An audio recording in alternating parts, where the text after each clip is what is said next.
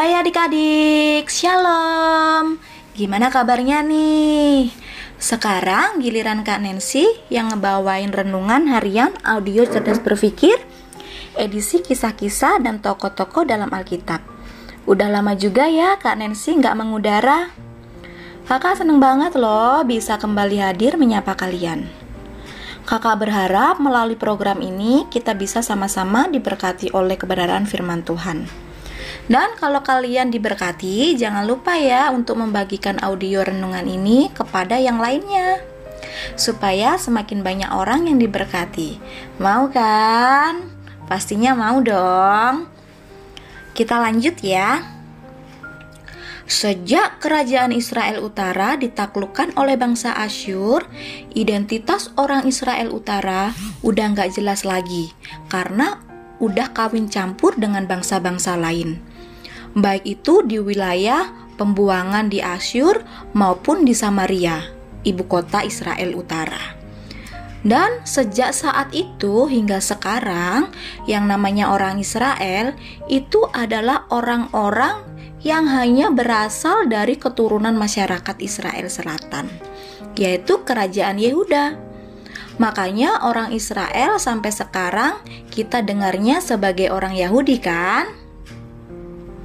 Oke, riwayat kerajaan Israel Utara sudah berakhir. Sekarang kita fokus di kerajaan Israel Selatan atau kerajaan Yehuda. Jadi setelah beberapa waktu telah berlalu, Hizkia menjadi raja keturunan Israel Selatan atau Yehuda.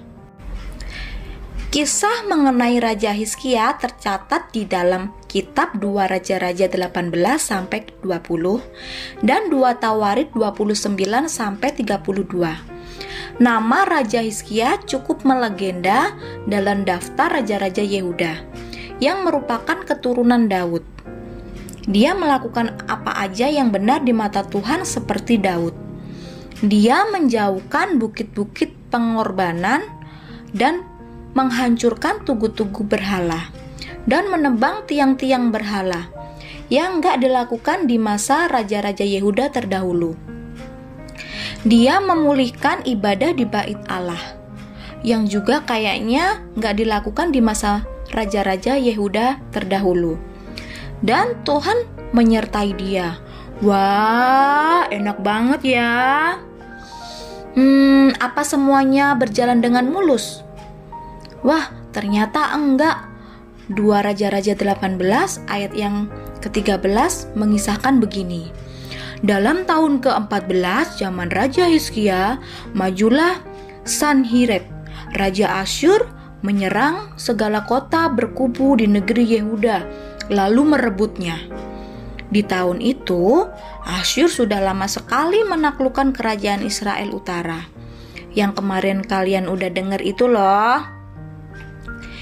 Hizkia mencoba untuk menempuh jalur damai dengan memberikan berbagai harta kerajaan kepada Asyur. Bahkan emas di pait Allah pun udah diberikannya.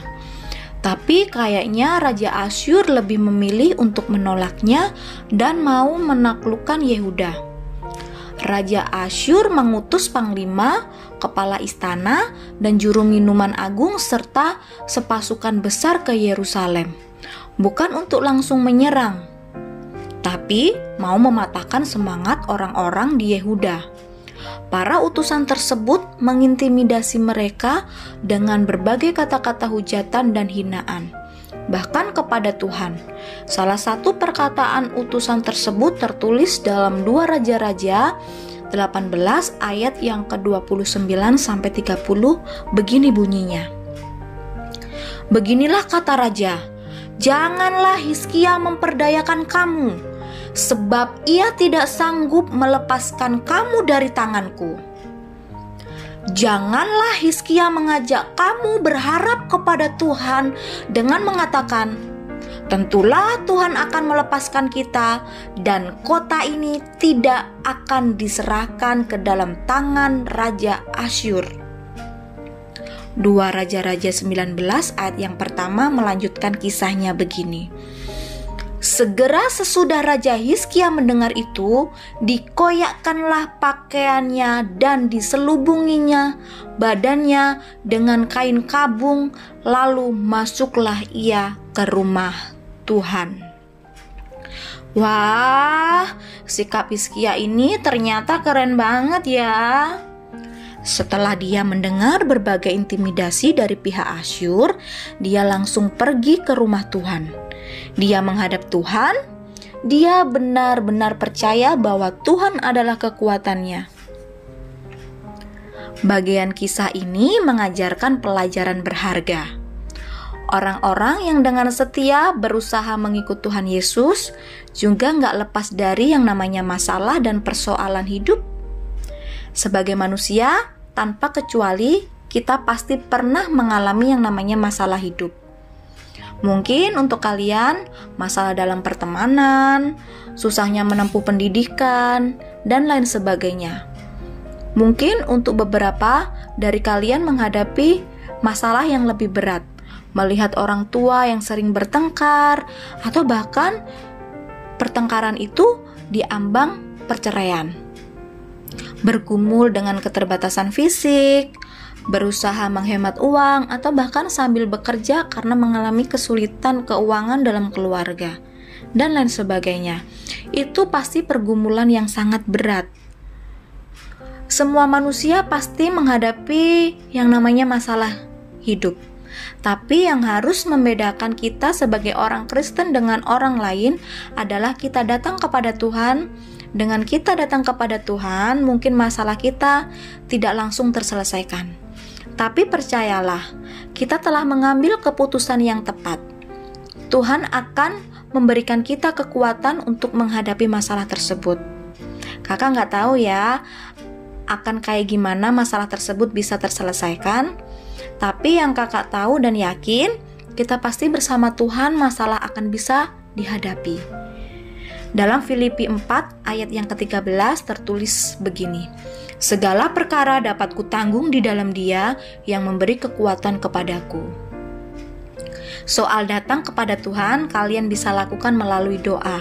Kalian utarakan apa aja yang kalian inginkan, dan kalian bisa sampaikan kepada Tuhan. Kalian juga bisa menghubungi pembina rohani. Mungkin melaluinya Tuhan mau sampaikan sesuatu hal yang penting kepada kamu. Hmm, Kira-kira gimana ya nasib Hizkia dan kerajaan Yehuda ya? Apakah akan bernasib sama kayak kerajaan Israel Utara? Penasaran kan? Akan dibahas pada episode-episode berikutnya. Jangan sampai ketinggalan loh ya. Oke? Yuk kita sama-sama berdoa.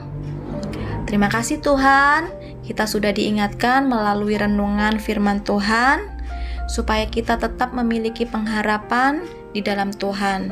Kami yakin Tuhan sebagai orang percaya, Engkau tidak akan pernah meninggalkan kami karena Engkau adalah Allah yang setia dan Tuhan memberikan kekuatan kepada setiap kami, anak-anakmu yang terus berharap kepada Engkau. Terima kasih Tuhan, di dalam nama Tuhan Yesus. Haleluya. Amin. Oke, Kak Nancy undur diri dulu ya. Tetap sehat, tetap semangat, dan tetap jadi berkat. Jangan lupa bahagia ya. Tuhan Yesus memberkati. Dadah.